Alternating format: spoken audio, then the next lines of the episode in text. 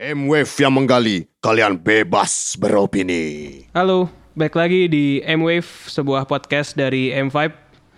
Kalau ada yang kurang familiar dengan suaranya, karena gue sendiri adalah host tamu. Dan untuk edisi kali ini, uh, M-Wave juga uh, cukup spesial, karena ini merupakan sebuah edisi kolaborasi dengan Archipelago Festival Perkenalkan gue Dava dari Colibri Records, sebuah record label di Jakarta. Dan kali ini gue ada di kantornya Studio Rama. Kalau ada yang belum tahu, Studio Rama itu apa ya? Bisa dibilang semacam kolektif penggiat musik yang udah cukup lama berkecimpung di scene independen Indonesia. Asik. Dan kita di sini udah bareng sama salah satu foundernya dan salah satu um, penggerak studio Rama juga yang cukup vital kayaknya perannya. Hmm. kita punya Sandega Tahajuansa. Halo semua, WhatsApp. Kalau ada yang tahu band Polka Wars, ini dia juga main bass di sana dan dia juga sering ditemui di party-party ibu kota. Gimana, Dek? Halo pendengar-pendengar M5.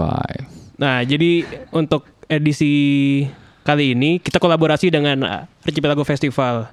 Uh, Archipelago itu sendiri adalah sebuah uh, festival musik, tapi bukan sekedar festival yang menampilkan band dan musisi. Udah gitu aja, banyak musisi bukan, tapi kayak um, ini festival yang cukup baru sebenarnya di Indonesia formatnya karena selain ada musisi band dan panggung-panggung uh, yang banyak, festival ini juga menghadirkan uh, konferensi musik ya Dek ya? Ya betul. Konferensi musik yang menghadirkan tokoh-tokoh penting di industri mm -hmm. dan pelaku pelaku-pelaku yang udah cukup uh, apa ya, bisa bisa dibilang ahli ya, yeah, ahli dibilang ya, established, expert juga yang bisa uh, sharing dan lu bisa nanya apa aja ke mereka, kita yeah. bisa networking bareng mereka. Mungkin untuk nambahin Archipelago sebuah festival untuk pecinta musik penggiat musik dan praktisi musik. Asik, mantap. Jadi memang ini ya, bukan festival biasa ya? Bukan festival biasa. Okay. Intinya Jadi, sih okay, uh, ya, gimana? jadinya dapat semua lah. Ah. Musisi-musisi datang nggak cuma dapat showcase-nya ng ngangkat emerging artists di Jakarta uh -huh. yang di apa di Indonesia sebenarnya uh -huh. yang cuman kita suguhkan di Jakarta. Habis itu di conference-nya tuh intinya adalah untuk orang-orang yang mau terjun ke dunia musik atau interested di dunia musik atau penasaran aja mau tahu lebih jauh gimana sih orang-orang di balik musik-musik yang lo suka dengerin tuh ya semuanya dijabarin di sini dan disuguhkan oleh orang-orang yang bergerak di dalam industrinya dan juga fans-fans musik gitu. Jadi okay. untuk uh, untuk semua dari semua juga. Jadi kan sebenarnya kalau si Archipelago ini sendiri kan diinisiasi oleh uh, Sudorama dan SFTC ya, yeah. Sound from Sounds from the Corner. Yeah. Uh, awalnya gimana sih kayak dari Studio Rama menganggap bahwa kayak penting untuk bikin festival semacam ini tuh gimana? Kalau dari lo sebagai salah satu foundernya Studio Rama nih. Jadi uh, awalnya sih emang bergerak dari uh, bos Sound from the Corner si Teguh. Oke. Okay. Jadi Teguh yang emang uh, networknya udah mancanegara sebelum kita semua udah mancanegara nih, yeah, yeah. dia ngelihat di luar sana banyak banget dia diundang dan attending uh, festival kayak gini. Contoh okay. paling konkret yang paling terkenalnya tuh si South by Southwest. Oh iya. Yang yeah, yeah. contoh di terbesarnya Texas, ya? lah di di Austin Texas di mana lu suka musik semua musik-musik baru ada di sana lu sebagai musisi lu mau dilihat sama semua orang lu manggung di sana sehari main empat kali kali yeah. band-band banyak yang ngelakuin itu dan uh, itu di mana semua orang-orang penting di industri dan orang-orang emang nyari musik baru dan juga kadang sampai Lady Gaga juga main waktu itu di South by Southwest ya lu muncul di situ mm-hmm. nah ini nih versi yang apa ya versi di Indonesia-nya mm-hmm. yang lebih intimate dan lebih apa ya lebih direct lah istilahnya okay. uh, eh, yang lu dapetin di sini semuanya bisa lu aplikasikan. Gitu. Oke, okay. kan kalau misalkan kita ngelihat uh, rootsnya gitu ya, hmm. kayak konvensi ini kan konferensi musik atau festival musik semacam ini kan kayak memang dia punya main fokus adalah untuk meng-highlight band-band yang sedang emerging lah ya, yang hmm. lagi lagi hmm. uh, naik pelan-pelan gitu, hmm. yang belum belum terlalu ngetop gitu. Cuman kalau sebenarnya kita juga pengen ini yang kita bahas di edisi kali ini kayak untuk lo pribadi nih, kan lo juga tergabung di band juga, hmm. lo basis terus juga uh, gue tahu juga studi Rama awalnya memang uh, punya uh, fokus juga untuk uh, bikin gigs, bikin show yang emang ngangkat band-band uh, yang juga emerging gitu yeah. ya, band-band yang nggak nggak uh, mungkin belum banyak orang tahu gitu. Mm -hmm. Nah uh, kita kali ini tuh uh, pengen bahas tentang proses digging musik, hmm. kayak tentang uh, gimana lu mendapatkan musik-musik baru, referensi yeah. baru gitu, dan lu menemukannya gimana. Kalau misalnya kita balik lagi ke 5-10 tahun lalu, cara orang untuk nemuin musik kan sebenarnya ada ada banyak sih, ada macam-macam. Cuman umumnya mereka dari radio Iya. atau yeah. dari pergi ke toko musik mm. mereka digging uh, plat CD mm. atau kaset gitu mereka nyari eh, nyari-nyari sendiri atau bahkan kayak lihat daftar thanks to di iya. album yeah. band gitu cuman sekarang kan orang udah jarang beli fisik juga yeah, yeah. terus tokonya juga udah nggak ada juga nih tokonya mm. dan di radio pun sekarang pun pada akhirnya udah lagunya lagu top 40 semua gitu. Yeah. kayak radio udah nggak berani memutarkan lagu-lagu yang uh, tidak orang tahu gitu yeah. kan. Nah kalau dari lo sendiri lo gimana? Bisa share nggak kayak perjalanan uh, lo menemukan musik-musik yang membentuk lo sekarang gitu? Ini menarik banget ya digging ya. Gue dengar tadi yang lu bilang dari thank you liner notes gue dengerin kata Tuhan gara-gara itu tuh. Menemukan wah ini Allah subhanahu wa taala. Oh gue harus mulai mendengarkan kata-kata Allah subhanahu wa taala nih gara-gara lihat di family thanks to liner juga notes ya. Wah family and friends gue sama ini nggak gue dengerin nih. Gara-gara di thank youin sama The Strokes cie gitu. The Strokes deh cinta keluarga nih. Maksud gue kagak gitu. Uh, Kalau dari gua, nah gua tuh bisa dibilang uh, lumayan banyak sih. Pasti berawal dari orang-orang sekitar. Hmm. Orang-orang sekitar yang lu istilah respect lah ya. Oke. Okay. Dan itu orang-orangnya berubah-berubah tuh. Ini gue selalu suka sih karena kayak emang istilahnya primal human condition adalah di mana lu berada pasti mempengaruhi lu gitu. Betul, Your betul. environment is going to uh, influence you uh, to some extent gitu. Hmm. Nah, gue berawal dari orang-orang terdekat, bokap sama kakak gue. Oke. Okay. Itu digging awal-awal tuh ya. Itu pasti kayak gitu ya. Pasti referensi awal-awal tuh iya, orang banyak dari kakak gue iya, itu. Iya. Lu sepupu gue. Iya, atau tetangga gitu. Kadang tetangga yang lebih tua iya, gitu kan. Nah, kalau kalau gue tuh uh, emang mau nggak mau ya itu lu lu masa-masa lu belum sadar hidup gue bilang gitu uh. lu belum sadar hidup yang ada itu ya mau gimana gitu yeah. kan Uh, Oke okay, tuh kita bisa emang kalau masih sekolah ya SMP SMA gitu emang pasti dari radio temen dari TV pre internet ya pre internet pre internet tuh, tuh mau nggak mau kita emang surroundings kita mempengaruhi kita Yoi. apa yang kita masukin ya kalau terus kan misalkan kalau udah mulai masuk kuliah terus lagi tahun-tahun pertama kan mungkin udah kenal toko musik tuh. Nah. kayak uh, digging-digging di toko kayak covernya lihat covernya dulu nih. Yeah, nah yeah, itu yeah. lo juga ngalamin nggak? Ngalamin banget. Gue dulu Jiper banget kalau ke Aksara bro. Aksara Kemang nih Tempatnya archipelago besok nih. Gak Historical ya? bro. Historical abis. Gue tuh dulu Masih bocah anjing. SMA, SMA kelas 1 kali ya uh -huh. Ke Aksara Anjing nih tempat keren banget Terus kayak nggak ada yang tahu gitu albumnya. Iya, terus kayak ini CD apa ya bro? Gue nama mahal banget nih gitu kan. Iya. Kagak ada di Stara. gue inget tuh 85. Dulu 85 ribu, cuma 85 ribu kan yang di Stara. Oh ini 125 ya kalau 100, ya? 150-an. 150 ada yang iya. 200. Iya. Kayak anjing nih apaan? Itu di masa Aksara itu lu dapat apa? Uh. Nah pokoknya masa Aksara itu tuh gue SMA kelas 1 internet baru muncul. Oke. Okay. Nah gue tuh lulus SMA 2009, gue 2007 gue nemuin Pitchfork bro.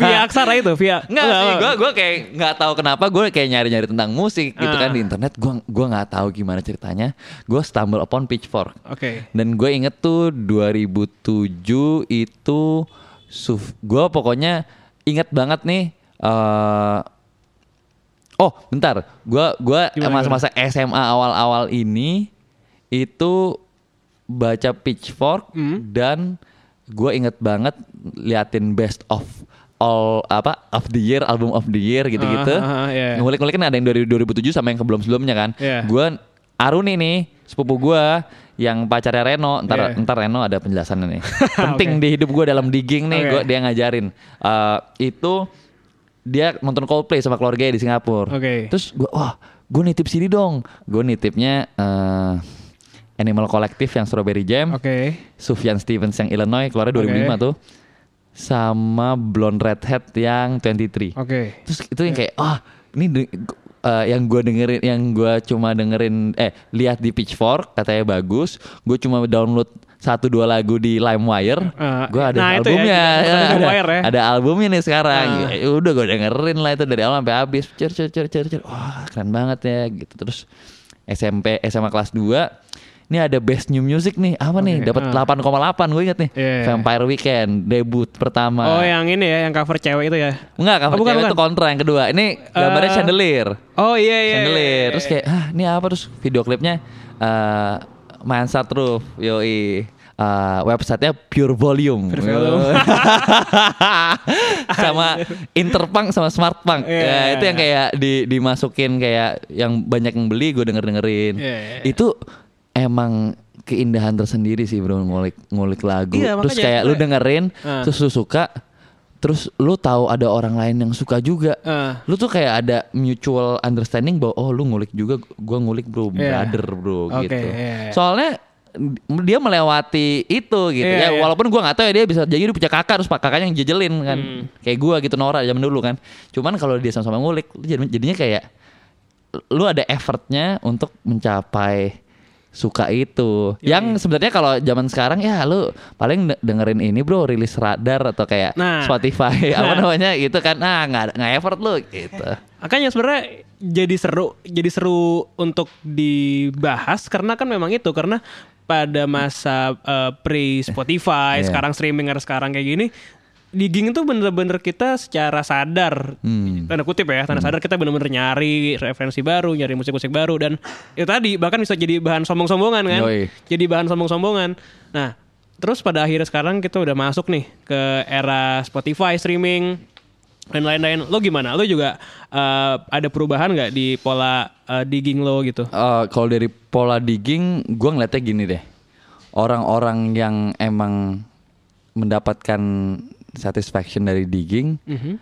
nggak bakalan berhenti digging dari tempat-tempat yang dia kulik cuman emang streaming services ini memudahkan untuk dapetin aja mm. istilahnya istilahnya kayak kalau dulu tuh kayak oh kayak ini menarik habis itu gua kulik eh gua gua cari nih gue cari di mana gitu ada ada ada effort lebih untuk mencari ini enggak hmm. tinggal kotek di Spotify bisa lo dengerin hmm. lebih instan lah jadinya emang emang kita generasi sekarang gue ngeliatnya yang lebih attention span-nya lebih cepet aja tapi Jadi jadinya kayak gini gue gua gua ngulik dalam sehari gue bisa ngulik uh. Tiga dua puluh artis baru kalau dulu ya gue cuma bisa lima gitu okay. karena ada effort gue denger oh gue ke sana beli CD-nya bisa dengerin which is lebih laborious proses cuman jadinya lebih ngeresep yeah lebih mendarah nah. daging. Kalau sekarang nih, lu harus. Cuman jadinya gini lah kayak gue ngelihatnya kayak sama kayak zaman orang tua lu waktu nyari pacar dan nyari pasangan sama sekarang hmm. pakai Tinder. Yeah. Kurang lebih mirip gue. Gue yeah. gua ngeliatnya gitu. Cuman ada ada ada negatifnya jadinya kan ah lu nggak jadinya nggak appreciate orang yang nah, ada depan lu. Iya. Cuman yeah dari aspek positifnya lu jadinya kayak ya emang lu carinya sekarang lebih kompatibel lu jadinya lebih efisiensi waktu lu untuk nyari pasangan yang paling pas sama lu lebih banyak sekarang berarti lu juga ibaratnya uh, lu secara sadar gitu lu ngulik di Spotify ah gue pengen nyari-nyari atau emang kan kalau di Spotify sekarang lo udah disuguhin kan udah hmm. disuguhin aja gitu hmm. lo udah udah dapet sesuai dengan itu tadi algoritma lo gitu yang udah disesuaikan dengan profile lo gitu yeah. nah uh, selain Spotify ada nggak sih kayak uh, platform atau cara lain lu ngedigging hari ini? Nah, kalau dari gua sih sampai sekarang tetap sama. Jadi uh. gua ada dua nih. Sebenarnya cara digging makin banyak aja. Oke. Okay. Dan lu mau bisa di share nggak tuh coba di, di alternate aja lu lagi make uh. yang mana. Jadi kalau dari dulu nih gue lumayan yang lumayan pencerahan gue metode digging tuh hmm. dapat dari rekan gue di studio Rama Reno Nismara. Oke. Okay. Bekas Rolling Stone juga. Gimana tuh? Dan vokalis Crayola Ice. Dulu tuh gue waktu baru kuliah Nih, nih penting juga nih. Baru lulus kuliah, gue ngeblok, zaman ngeblok. Gue uh. ngeblok kayak best album of dulu tuh 2009. Yeah. Gue baru lulus SMA 2009. Gue nomor satunya Grizzly Bear yang VKT Mas yeah, yeah. gitu. Terus kayak nah teman gue ada tuh, eh Dek, teman gue kuliah di ITB SBM. Dek, kayak senior gue ada tuh, Bro. Dia juga ngepost di blognya dia Indomie Junkie, eh, nama blogspotnya dia itu album of the year VKT Mes juga. Wah boleh dong gitu. Terus kayak kenalin oh ini Instagramnya. Gue add di Instagramnya uh. gitu. Kalau zaman sekarang langsung ini follow followan lah yeah. ya di Instagram. Add eh gue gue add friend di Facebook habis itu di approve Habis itu jadinya ngeliat-liatan foto kan. Dia komen foto gue Wah lu nonton ini bro Gitu-gitu. Oh, iya. Habis itu ah, uh, itu jadul juga Iya gitu. Habis itu Kopi Darat. Kopi Daratnya dulu di EOD bro. Di, di Pangpol. Nonton sore. Sore lagi rilis IP-nya dia Sombreros. Iya. Ya. Nah, itu tuh gue diajarin sama Reno. Dulu kayak Ren, gue dengerin apa Ren?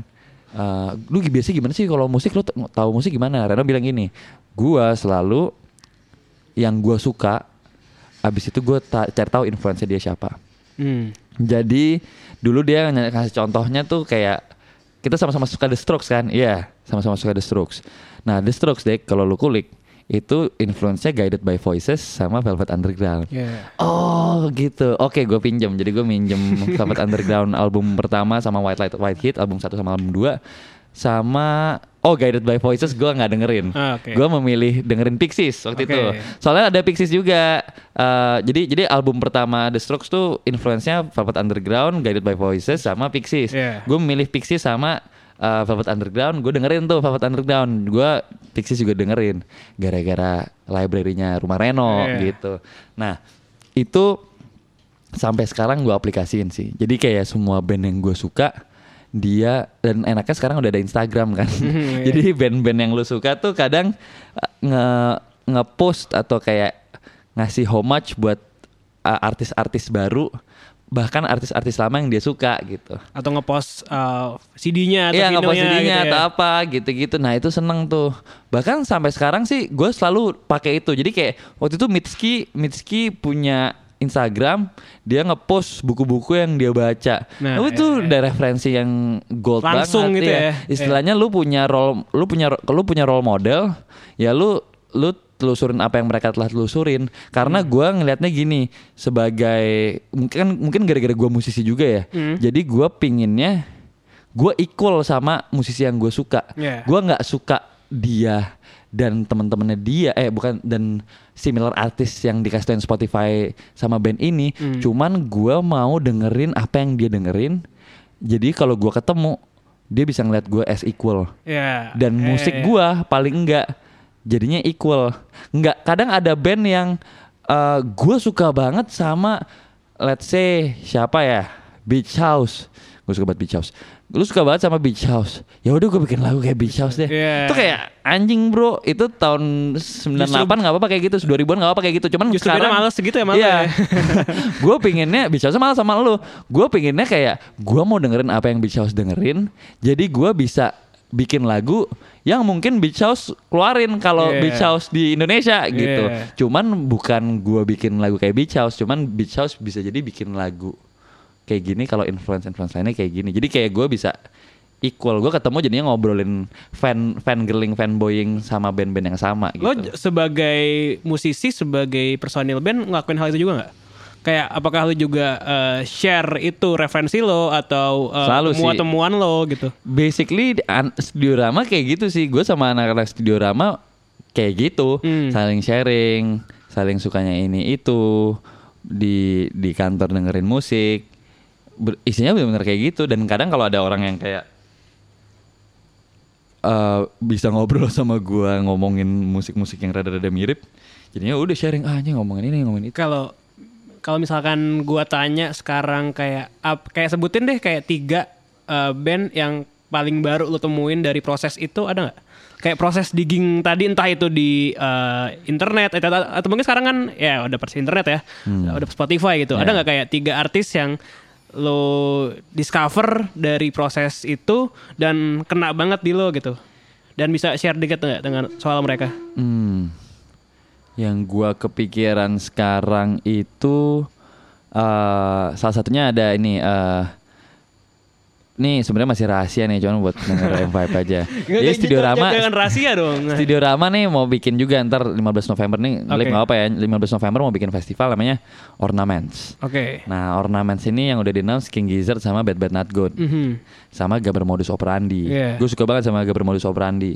Nah, dari, dari Jogja ya? Dari Jogja okay. dan sekarang di Bali cuman mereka gue gue dengerin Gaber Modus Operandi dan dia tuh sempat masuk NTS dia jadi guest NTS show-nya ada musisi dari Taiwan namanya Miko Miko Miko Miko Miko Miko okay. terusnya Meuko tanda seru Meuko tanda seru nah abis itu gue wah siapa nih terus gue dengerin uh, show-nya dia menarik terus gue dengerin lagu-lagu dia gue suka hmm. nah gue suka banget Abis itu gue undang deh main di Ornaments besok gitu. Jadi dia, itu, dia apa? Dia uh, DJ atau dia musisi atau produser? Elektronik produser gitu. Oh, oke. Okay. Dan ntar uh, show-nya bakal audio visual. Jadi itu salah satunya. Itu satu ya. Yang kedua kalau yang gue lagi dengerin banget, kayak gue harus buka CHP gue deh nih. Nggak apa-apa ya. Apa, buka dong, ya. buka, buka dong. Kita pengen tahu nih Sandega Tahanjuasa sekarang lagi suka apa sih nih artis baru yang ditemuin? Uh, oh. Hmm. Atau album juga boleh sih. Misalkan lo nggak suka bandnya tapi suka albumnya juga boleh aja. Album ya. Bisa oh, album, bisa ini nih. Bisa uh, gue lupa uh, siapa yang. Uh, oh ini nih nih nih. Ah. Gue uh, gue suka ini Ora Iso. Kathleen. Oh, Kathleen. Kathleen.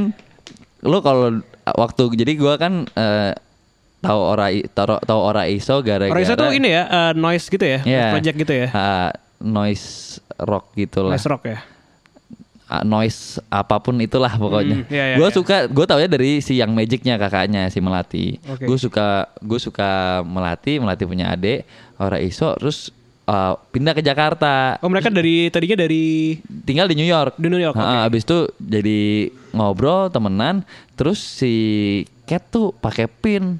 Hmm. Pinnya ini logonya band namanya Hate Rock HTRK. Terus gue kayak eh gue kayak tahu deh itu Hate Rock ya. Iya iya gitu. Terus uh, dia suka kasih denger lagunya. Ternyata gue suka. Habis itu gue dengerin. Jadi dia suka Hate Rock Terus gue jadi suka rock juga. Itu yang kedua. Yang ketiga uh, apa ya? Oh ini, uh, eh, gue lagi suka banget albumnya Kate LeBon yang baru judulnya Reward. Kate LeBon. Okay. Kate LeBon, Kate LeBon, singer songwriter dia... dari I I Ireland kalau nggak oh, salah. Okay. Dan gue suka banget gara-gara uh, gue suka banget Deer Hunter. Mm -hmm. Di, uh, Bradford Cox dulu memuja-muja banget album Kate LeBon yang Mark Museum. Oke. Okay. Kayak debut albumnya dia. Itu bagus banget. Pop bagus banget. Uh, kayak 60s garage inspired gitu. Terus dia baru bikin album baru bagus banget juga. Itu salah satu yang gue kepikiran ya. Kate LeBon, Hate Rock sama Miko Miko. Miko Miko. Oke, okay, kan Oke, okay, terus uh, lanjut nih. Kayak itu kan tadi lo menemukan secara digital ya, hmm. secara digital. Terus tapi menurut lo uh, masih relevan gak sih untuk akhirnya lo mendapatkan? Oke, okay, oke okay nih, lo suka nih, suka sama bandnya. Hmm. Kalau misalkan dia punya rilisan fisik gitu, atau apalah medium apa pun yang bentuknya fisik gitu ya, lo uh, masih ada hasrat gak sih untuk punya albumnya juga dalam bentuk fisik gitu? Gue punya sih. Masih ada? Gue gue masih ada koleksi plat. Dan atau uh, kalau misalkan lo masih beli itu kayak apa yang membuat lo ngerasa itu masih penting penting gak sih buat lo gitu penting sih karena yang pertama itu kayak bisa dibilang uh, apa ya karena gue suka banget sama musik dan gue juga kerja di musik mm. itu tuh istilahnya lo kalau lo kalau suka makan yeah. lo harus makan sayur yang nge-grounding lu. okay. Istilahnya lu lu lu makan jadinya kayak iya makan buah, gue juga suka banget buah, cuman gue nggak selalu makan buah. Yeah, yeah. Ini ini rada analoginya mungkin rada nggak nyambung, cuman cuman kayak gue dengerin lagu banyak terus gue butuh yang kayak oh gue mau dengerin yang fokus okay. dan gue mau dengerin yang indulge banget hmm. yang kayak lu pastilah lu pasti ada dengerin baru dengerin baru dengerin baru terus kayak ah gue mau nyaman ah gue dengerin yang gue emang suka banget album yang udah lama nggak gue dengerin. Yeah lagu-lagu penting dalam apa album-album penting dalam hidup lu lah gitu. Nah itu salah satunya eh, salah satunya untuk balik lagi ke situ ya dengerin plat yang emang album-album yang gue suka. Jadi gue kalau album-album klasik dalam uh, hidup gue sih masih ya ada tuh masih masih hmm. gue koleksi. Kayak albumnya Beach House, albumnya Big Thief. Gue suka banget Big Thief akhir-akhir ini. Soalnya ini juga uh, cukup apa ya? Menurut gue cukup penting juga memang karena sebenarnya apa ya? Beli album fisik kan kalau ya untuk berapa tahun kemarin lah ya masih relevan sebenarnya untuk ngebantu musisi atau artis untuk dapat uh, penghasilan gitu. Hmm. Mereka masih mengandalkan revenue dari penjualan CD atau kaset atau vinyl gitu. Cuman karena sekarang kayaknya angka penjualan fisik udah turun banget hmm. juga toko-toko musik udah pada tutup gitu kan sekarang pada akhirnya musisi udah nggak bisa lagi ngandelin fisik tuh sebagai revenue gitu hmm. nah lo sebagai music fan, terus juga sebagai personil band, terus juga sebagai apa ya uh, promotor dan uh, pegiat kolektif musik Studio Rama. Menurut lo uh, gimana sih ngelihat pergeseran revenue musisi dari penjualan album fisik yang mungkin sempat ya menjadi utama lah gitu, nyawa utamanya band gitu. Cuman sekarang harus uh, apa ya harus shifting ke revenue streaming yang sebenarnya angkanya ya mm, kecil banget gitu hmm. bisa dibilang ya kayak yeah. untuk dapat equal satu harga CD itu lu harus berapa ribu stream gitu menurut gimana dek? Uh, mau nggak mau sih kalau emang inti sarinya yang lu suka musik gimana pun itu caranya kita harus adapt sama society mm. mau nggak mau yeah. dan gue dari awal idola gue salah satunya juga ini bro David Byrne David okay. Byrne gue ngelihatnya kayak men apa pun Talking, eh, talking Heads oh, okay. dia kayaknya modernis banget dalam mm. artian dia masih bisa adapt sama sekarang gitu okay. sama maksudnya dia tuh gue ngeliatnya David Byrne sama David Bowie uh, itu dua-duanya nggak komplain, okay. cuman dia nyari solusi dan ya udah adapt. Mungkin ini Radiohead sama Tom York juga yang emang kayak selalu yang terdepan, selalu early adopters dari bagaimanapun landscape Teknologi musik ya, ya, ya. musik uh, dari industrinya. Yeah, okay. Mungkin ngekritik juga ya kalau kalau mungkin kalau nggak salah si Radiohead lumayan ngekritik dengan dan abis itu ngasih uh, statement dengan ngasih uh, pay as you wish yeah, buat yeah. album In Rainbows dulu. Uh, cuman ya mereka ya David Byrne sampai sekarang bener-bener masih ngulik, masih ngedep dan nyari cara-cara baru untuk uh, tetap apa ya, tetap exist di society. Jadi gue ngelihatnya emang mau nggak mau sebagai musisi dan sebagai manusia kita harus selalu emang bisa selalu pasti kita romantisasi masa lalu. Cuman kita harus kayak open arm sama masa depan. Mau nggak mau kayak ya lu kita walaupun kita cuman satu orang dari berjuta-juta manusia yang ada di dunia ini, ya kita bisa berkontribusi sebanyak apa dan kita ya kontribusi lu itu bakalan berbalik kayak ya lu bisa komplain segimana. Gue ngeliatnya sih kayak gitu. Kalau lu emang ah. nggak uh. berkontribusi sebanyak itu lu nggak bisa kayak komplain juga. Cuman kalau lu ya udah lu adapt aja. Kalau gue sih ngerasa kayak gitu. Dan itu sebagai hidup juga dan musik juga, juga. sebagai personil band kayak ya mau nggak mau adapt juga. Gue uh. maksudnya kayak landscape-nya kayak gini mau nggak mau uh, harus adapt. Maksudnya ya gue ngeliatnya kayak band-band baru.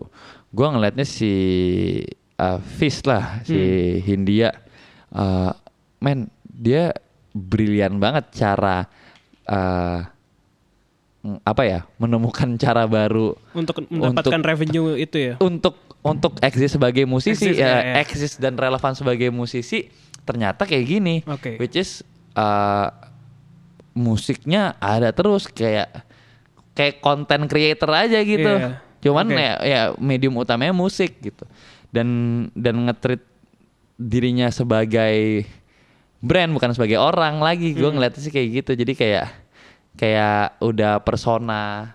Ya emang musisi kayak gitu kan. Cuman persona yang emang eksis kayak selebgram gitu. Jadinya ya udah ngelakuin kayak gitu. Dan itu itu ya mau nggak mau se se bikin bingungnya waktu awal-awal konsep Instagram dan lain-lain tuh mm-hmm. Sekarang udah jadi biasa jadi kayak emang mau nggak mau. Tapi untuk lo pribadi itu ada dampak langsungnya nggak? Yang lo rasain langsung kayak bahwa anjing ini gila sekarang untuk mendapatkan uang gue harus muter duit muter otak dua kali nih. Atau misalkan lo jadi kebingungan atau mencari cara gimana ya untuk lo channel-channel iya. bisa gue bisa monetize gitu? Pasti harus selalu belajar. Hmm. kita nggak bakalan berhenti belajar. Gue ngeliatnya gitu sih dan emang adapt tadi tuh kayak core intinya adapt dengan apa pun berjalannya zaman gitu kan hmm. dan itu tuh kita nggak pernah mungkin berhenti belajar dan harus uh, nanya-nanya gitu hmm. nah makanya gue gue kayak di Archipelago Festival nih intinya adalah ada hal-hal yang dibahas di Archipelago yang sebenarnya gue juga nggak tahu jawabannya. Cuman gue mau ngumpulin orang-orang yang bakalan e expertsnya dan punya expertise dan punya referensi dan punya pengalaman di aspek itu untuk ngebahas hal itu. Jadinya gue bisa dapat mungkin bisa dapat jawaban dari solusi dari cara cara-cara survive ini hmm, gitu. Yeah. Kalau misalkan tadi uh, kita lihat kasus-kasusnya ya misalkan si Fish atau Hindia gimana dia bisa adapt di uh, environment industri yang sekarang kayak gini hmm. gitu ya.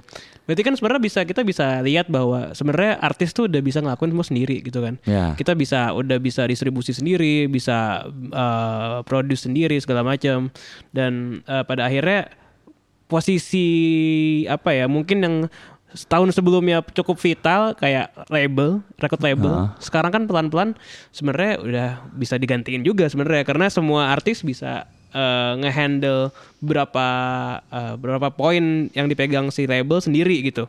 Nah, kalau menurut lu uh, masih sebenarnya gimana sih caranya untuk sebagai lu sebagai musisi ya hmm. ngelihat apa yang harus dipunyain label supaya relevan ngehandle uh, artis di environment yang sekarang gitu? Mungkin kalau menurut gue label tetap penting. Hmm. Kenapa? Karena nggak up tendensinya ini orang-orang kreatif. Nggak semua orang-orang kreatif bisa manage. Oke. Okay. Nggak semua orang kreatif punya uh, bisa memilah palanya ada sisi kreatifnya dan juga bisa disiplin banget dan bisa saklek banget dalam managing hal-hal yang berurusan dengan bisnis aspeknya yeah, bukan kreatif uh. aspeknya. Cuman ada orang-orang jagoan yang bisa megang dua-duanya yeah. gitu. Dan yang bisa megang itu jadinya bisa lebih lu nggak harus uh, lu bisa kulik sendiri dan toolsnya ada sendiri sekarang di hmm. internet di di zaman sekarang dengan teknologi dan lain-lain. Okay. Jadi gua ngelihatnya kalau gua nih berdasarkan observasi gua nggak harus sama label gede-gede. Hmm. Yang penting lu ada orang-orang yang bisa run it se apa sesaklek mungkin dan semahir mungkin lu bisa dan megang nggak begitu banyak pun cuman emang fokus di mereka ya lu gue melihatnya bukan gue bukan nggak ngeliat major label sama indie label cuman kayak label-label kecil sama label-label gede. Hmm. gitu aja sih gue ngelihatnya. Dan uh, tetap relevan karena nggak mungkin semuanya bisa ngelakuin semua musisi ngelakuin sendiri. Karena amount yang di uh, load kerjaan manajemen manajerial kerjaan manajerial dan hmm. lain-lain hmm. itu tuh sebanyak itu apalagi band yang kayak lu harus ngurusin juga sama satu sama lain gitu. Oke. Okay. Cuman Kalo, yang lumayan gila juga ada orang-orang kayak oh nggak salah si Eric ya atau Eric siapa nih? Ericnya King Gizzard. Oh oke. Okay. Drummernya kalau nggak salah, yeah. gue lupa. Itu drummernya itu ya punya record labelnya dia, manajernya King Gizzard ngurusin. Oh dia manajer dia sendiri? Iya, setahu gue ya. Oh, oke. Okay. Gue diceritain oh, sama si drummernya Kika Gakumoyo. Kika Gakumoyo drummernya juga manajernya dia. Oh, oke. Okay. Ngurus dan dia punya record label juga sih Guru-Guru Brain. Guru-Guru Brain. Jadi ya. emang ada orang-orang yang emang mahir di manajerial dan kreatif ada yang orang kreatif doang ada yang manajerial doang gitu nah uh, intinya sih ada ada ada pasti ada band yang keren banget yang empat empatnya musisi banget doang yeah. butuh label butuh orang manage gitu. Mungkin bisa jadi ada manajer nih yang bisa megang gitu ya. Cuman uh, manajernya nih pasti kayak, wah gue dengan waktu gue, dengan teknologi dan tools yang gue punya, gue nggak gue punya waktu luang dan tenaga luang nggak cuma bisa ngurusin satu band doang, gue bisa ngurusin ya lima band lah. Hmm. Ya udah dia bikin label. Terus labelnya kecil, cuman kencang semua.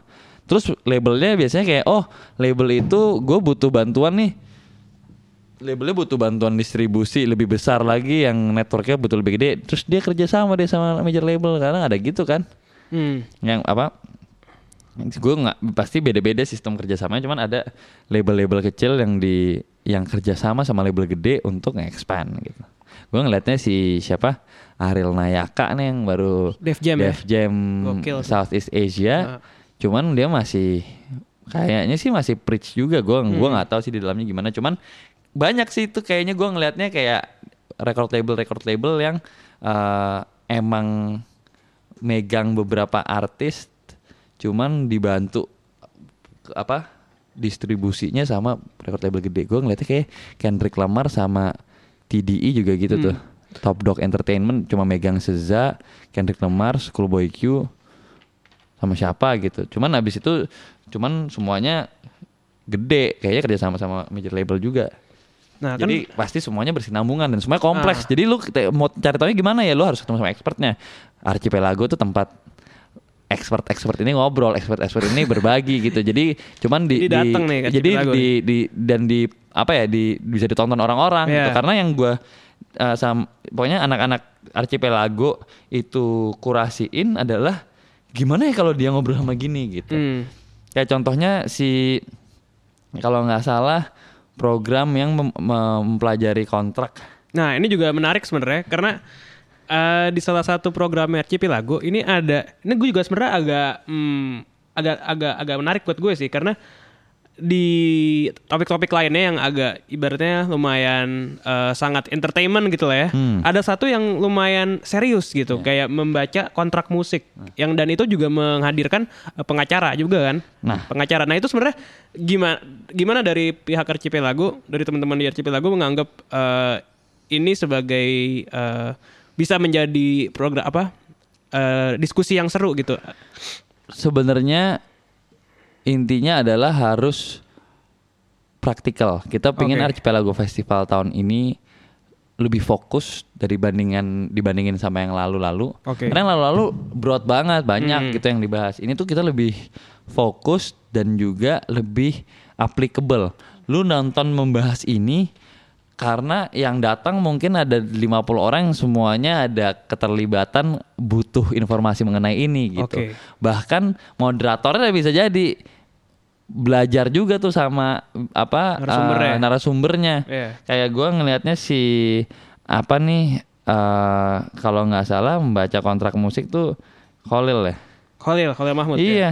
Khalil sama pengacara nih nah ini gue gue yakin pasti Khalil juga ada hal-hal yang dia mau nanyain juga dia, dia mungkin kagak tahu juga dia bukan mungkin dia dia ada manajernya juga kan hmm. gitu jadi dia mungkin jadi lebih tahu ngulik-ngulik banyak. Mungkin manajernya yang nonton manajernya efek rumah kaca nonton di situ juga jadinya dapat lebih tahu informasi kali dari pembicaraan itu gitu. Jadi uh, semuanya sampai dari Holil efek rumah kaca sampai lu sama gue mungkin belajar hal-hal baru yang bisa diaplikasiin ke kehidupan sehari-hari kita yang berhubungan dengan musik gitu. Okay.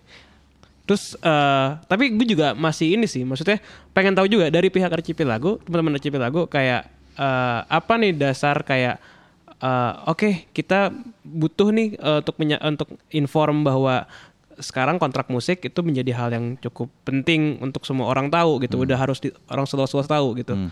dan anggapan bahwa uh, bahwa ini menjadi krusial karena kalau lu dari sebagai pihak band ya biasanya apa sih yang terjadi di kerjasama kontrak musik itu antara musisi dengan uh, pihak ketiga itu biasanya ada hal-hal yang harus diperhatikan sebenarnya kayak apa sih? Sebenarnya ini gue ngelihatnya hal-hal yang hal-hal ya, yang penting cuman kita sebanyak sebagai kayak band-band baru muncul manajernya juga masih temen nggak yeah. nggak begitu peduli sama hal, -hal kayak gini yeah. cuman misalkan kayak oh gue main di festival gede nih mm.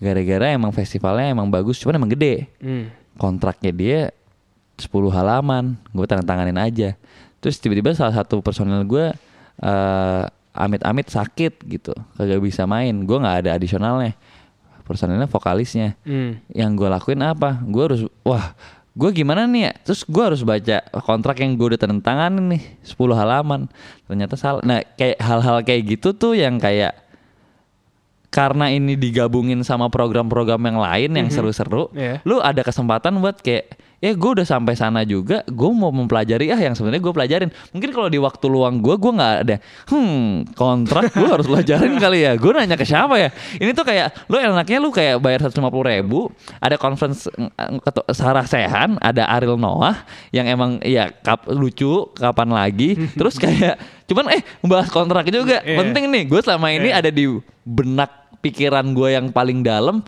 kayak gue harus pelajarin kontrak lebih lebih dalam deh. Dan ini gue ada kesempatan. Dan yang ngebahas Kolil yang gue suka banget. Yeah. jadi gue ngelihatnya kayak gue tuh pernah di studio Rama gue ngundang DJ DJ-nya harusnya mainnya hari Minggu hari Sabtunya ketinggalan flight. Anjing. Itu berabe abis. terus, terus, terus abis itu kayak fuck ternyata di di di kontraknya nggak ada nggak ada deal itu nggak ada kesepakatan. Ada kesepakatan karena hitungannya yang salah dari pihak performersnya cuman gue tetap ngeluarin duit. Jadi kayak gue tetap ngeluarin duit terus gue kayak hanya nggak fair banget cuman kenapa gue tanda tanganin dan ini dari pelajaran gue dari dulu kita dulu bikin bikin pensi lo pernah pernah lah kayak terlibat jadi pensi lo jadi panitianya. Terus kayak eh riders band apaan aja ya? Gitu. Yeah. terus kayak wah anjing susah banget nih kita harus penuhin semua ini aduh gimana nih?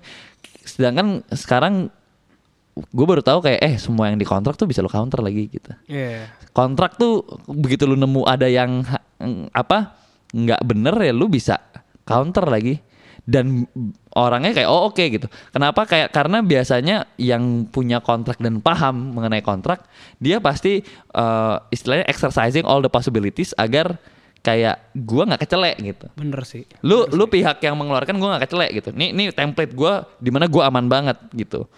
Gua kelewat aman, aman yeah. gua 150% gitu. Sebenarnya lu bisa oh lu counter nih gua nih lu 150% gue 50% nih.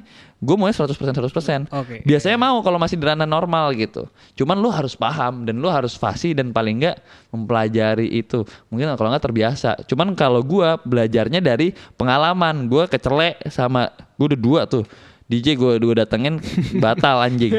Terus jadinya ya ada kesempatan ini gue jadinya bisa belajar. Oke. Okay. Gitu.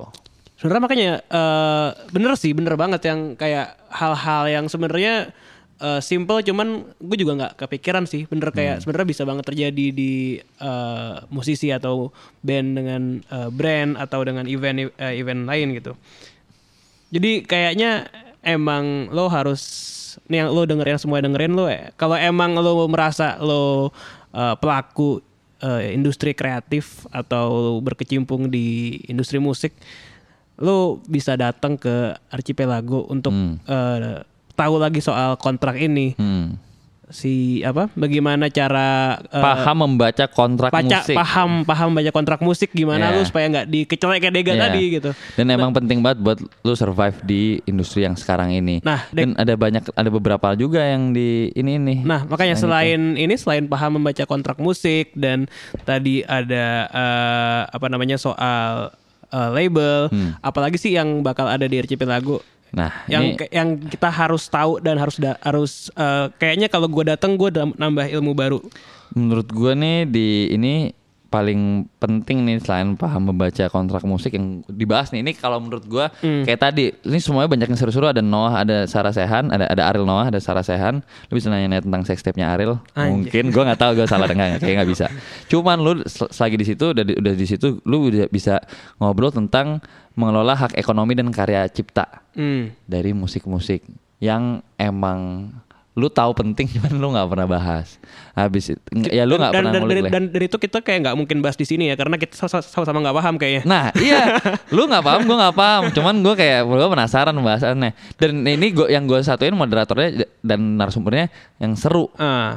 jadi kayak bisa speaks to our language anak-anak. Yeah. Ini anak-anak anak-anak industri kreatif kan ya. orang-orangnya ya. seru-seru ya karena orang-orang masih di dunia kreatif gitu. nggak yang korporat gitu kan. Jadi kayak yang formal banget Iya, gitu jadi ya. bakalan fun sih. Habis itu ada bisnis musisi mendirikan label sendiri. Yeah, Ngomongin ya. label kayak yang kita tadi bilang penting atau enggak sih label label bikin label dan label di tahun sekarang lu semuanya bisa dilakukan sendiri penting atau enggak. Sama simbiosis mutualisme musisi dan brand collab itu dan juga, juga endorsement. Itu zaman now banget sih. Kayak zaman semua now. band sekarang pasti collab sama brand. Yo ilah bro.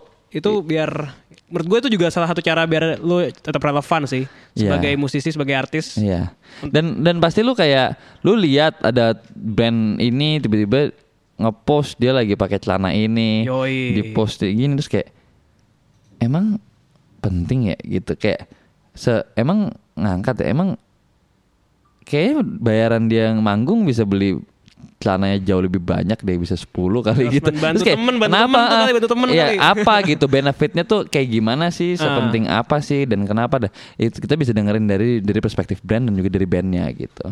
Dan itu menarik banget. Oh, ntar juga emang, ini bakal datengin dari uh, sisi uh, brand juga ya? Bakal yeah. datengin dari brand juga. Hmm. Oke. Okay.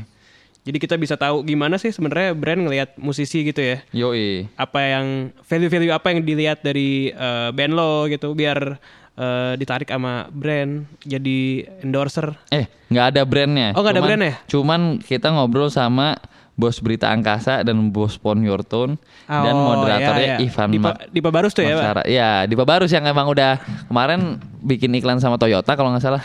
Toyota ya? Toyota bos, mobil. Yoi.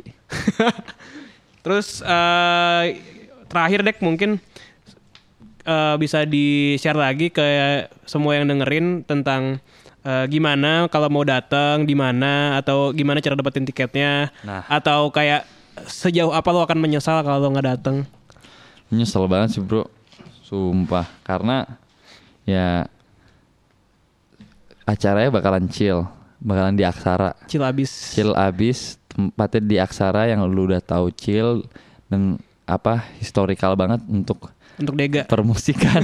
Untuk Dega juga. Untuk gua terutama itu acaranya bakalan 12 sampai 13 Oktober Sabtu sama Minggu hari Sabtunya tuh showcase oh iya ada oh iya ada showcase, ada showcase ya, showcase-nya showcase-nya gratis Oh jadi showcase di hari pertama? Showcase di hari pertama, showcase-nya gratis. Lu datang aja, lu nonton band-band dari Barakatak, ada Bab, ada Maverick, Wih, ada Dialita, ada Stabuhan, ada Wukir. Aduh, banyak Ini deh lumayan, dari DJ lumayan dari rare, rare semua ya. Iya, rare. Apa ya? Lumayan rare banget, Bro. Mungkin lo dapetin di acara-acara mingguan Betul. tuh. Betul. Dan hari keduanya uh -huh. Uh, itu itu ada partner-partnernya partnernya tuh dari ada L House, ada Grimlock, ada Yes No Wave, ada Loka Suara Live, Whiteboard sama uh, converse. Okay. Nah, cuman hari keduanya conference-nya tadi yang hmm. dibahas-bahas itu harganya tiketnya itu seratus lima puluh ribu. Seratus lima puluh ribu, lu bisa bisa seru-seruan dan itu bisa tuh beli di mana? Itu bisa dibeli di situ dan juga bisa di loket. Nah, oh, loket, okay. dan di situ juga bakalan ada speed dating, bro. Nah, speed dating tuh apa sih, C? Nah, ini speed. ini kayaknya lumayan kayak JKT48 nih. Intinya sih sebenarnya gini, lu kalau lu lihat tuh speed dating ada orang-orang di industri uh -huh. dari yang kecil-kecil dan eh, nggak uh, penting kayak kita berdua. Sampai gua yang penting sih deh gue penting sih. Sampai yang paling megang-megang semua nah, acara musik yang kita datangin ada, lah. dari Widow Fest juga ada ya dari ya, Sismaya ya. ada Sardes ada dari Synchronize tuh yang kayaknya sekarang festival terbesar nih kayaknya nih. Mm -mm. ya dari ada Ismaya ada Amity Live ada Berita Angkasa ada Belief ada Sun Eater ada Pon Yorton ada Double Deer ada Future Folk Publishing, ada Kios Ojo Kios, ada Studio Rama sama Kolibri. Lu basically lu lu selama ini tahu lu kayak aduh gue mau nanya-nanya DM lu malas banget bro, gengsi ya gak sih? Dong. Nah, lu di speed dating nih uh, gara-gara lu udah datang mau nonton uh, Ariel Noah sama Sarah Sehan, lu lu jadinya kayak ya udah kapan lagi ada speed dating gimana sih? Terus kayak orang-orang bakal ngobrol doang, lu kayak dikasih kesempatan buat ngobrol dan emang orang-orang tadi untuk ngedengerin, hah? Gimana sih formatnya? Formatnya lu bakalan kayak ya lu bisa ngobrol lu bener-bener kayak ngobrol bener-bener ngobrol karena emang orang-orang yang bakal di sana buat ngobrol sama orang-orang yang datang udah bayar tiket dan ngobrol dan nantinya malamnya ada party jadi after partinya jadi mabok semuanya lu mabok bareng sama orang-orang ini nih mabok gitu. terus tiba-tiba besoknya desain ya. Nah, enggak lu pas lu mabok lu langsung minta tanda tangan lu udah mabok banget lu udah lu tanda tangan sekarang lah gitu. Besok-besok bro gara-gara Archipelago Festival, festival gue udah desain nih. Ya. ya. Basically emang tujuannya di Archipelago pinginnya ada istilahnya kerjasama kolaborasi muncul keluarga-keluarga keluarga baru ini. dari iya dari orang-orang ini yang berkumpul di archipelago. Yeah, okay. Mungkin kalau dari dulu lu nonton uh, pembicara dan talksnya, setelah itu lu saking apa relate-nya lu udah samperin dia terus lu ajak ngobrol. Yeah cuman sebatas itu doang. Sedangkan kalau di speed dating nih lu benar-benar langsung ngobrol. Karena nomor HP bisa jadi siapa tahu emang kalau emang naksir jadinya bisa pacaran bisa. terus mabok bareng malamnya kan. Jadi next level shit bro. Next level shit man. Oke okay, Dek thank you banget ya. Udah Sama-sama uh, mampir ke eh, enggak sih kita yang mampir ya kita yang mampir ke kantornya Studi Rama oke okay, uh, eh, sukses buat tercipi lagu Fes salam buat teman-teman uh, Rama dan SFTJ semoga acaranya lancar dan semoga kita semua dapat ilmu baru di sana oke okay. Gimana dek? Ada las lagi? Udah cukup? Ya datang ke Archipelago Festival. Datang semua Kita ketemu datang. di sana. Orang ketemu Dega juga pasti ada ya Dega ya. Toyor aja. Dan ya seru-seruan lah. Malamnya band-bandnya bagus yang ngobrol bagus. Siapa tahu mabok bareng Ariel Noah ya Yoi, mabok bareng Ariel besoknya keluar lagi. Video. iya video lu. Videonya keluar Ariel. lagi besoknya. Oke thank you semua yang udah dengerin. Uh, sorry nih kalau host tamu kalau ada kurang-kurangnya iya. kalau suka komen aja ya di Instagramnya uh, M5 ya kemarin tuh hostnya seru tuh boleh yeah. lu siapa tahu lanjut kan Yo, bisa kita ketemu ketemu gue lagi di episode berikutnya. Udah segitu dulu dari gue. Uh, thank you. Thank you. Bye. Dah.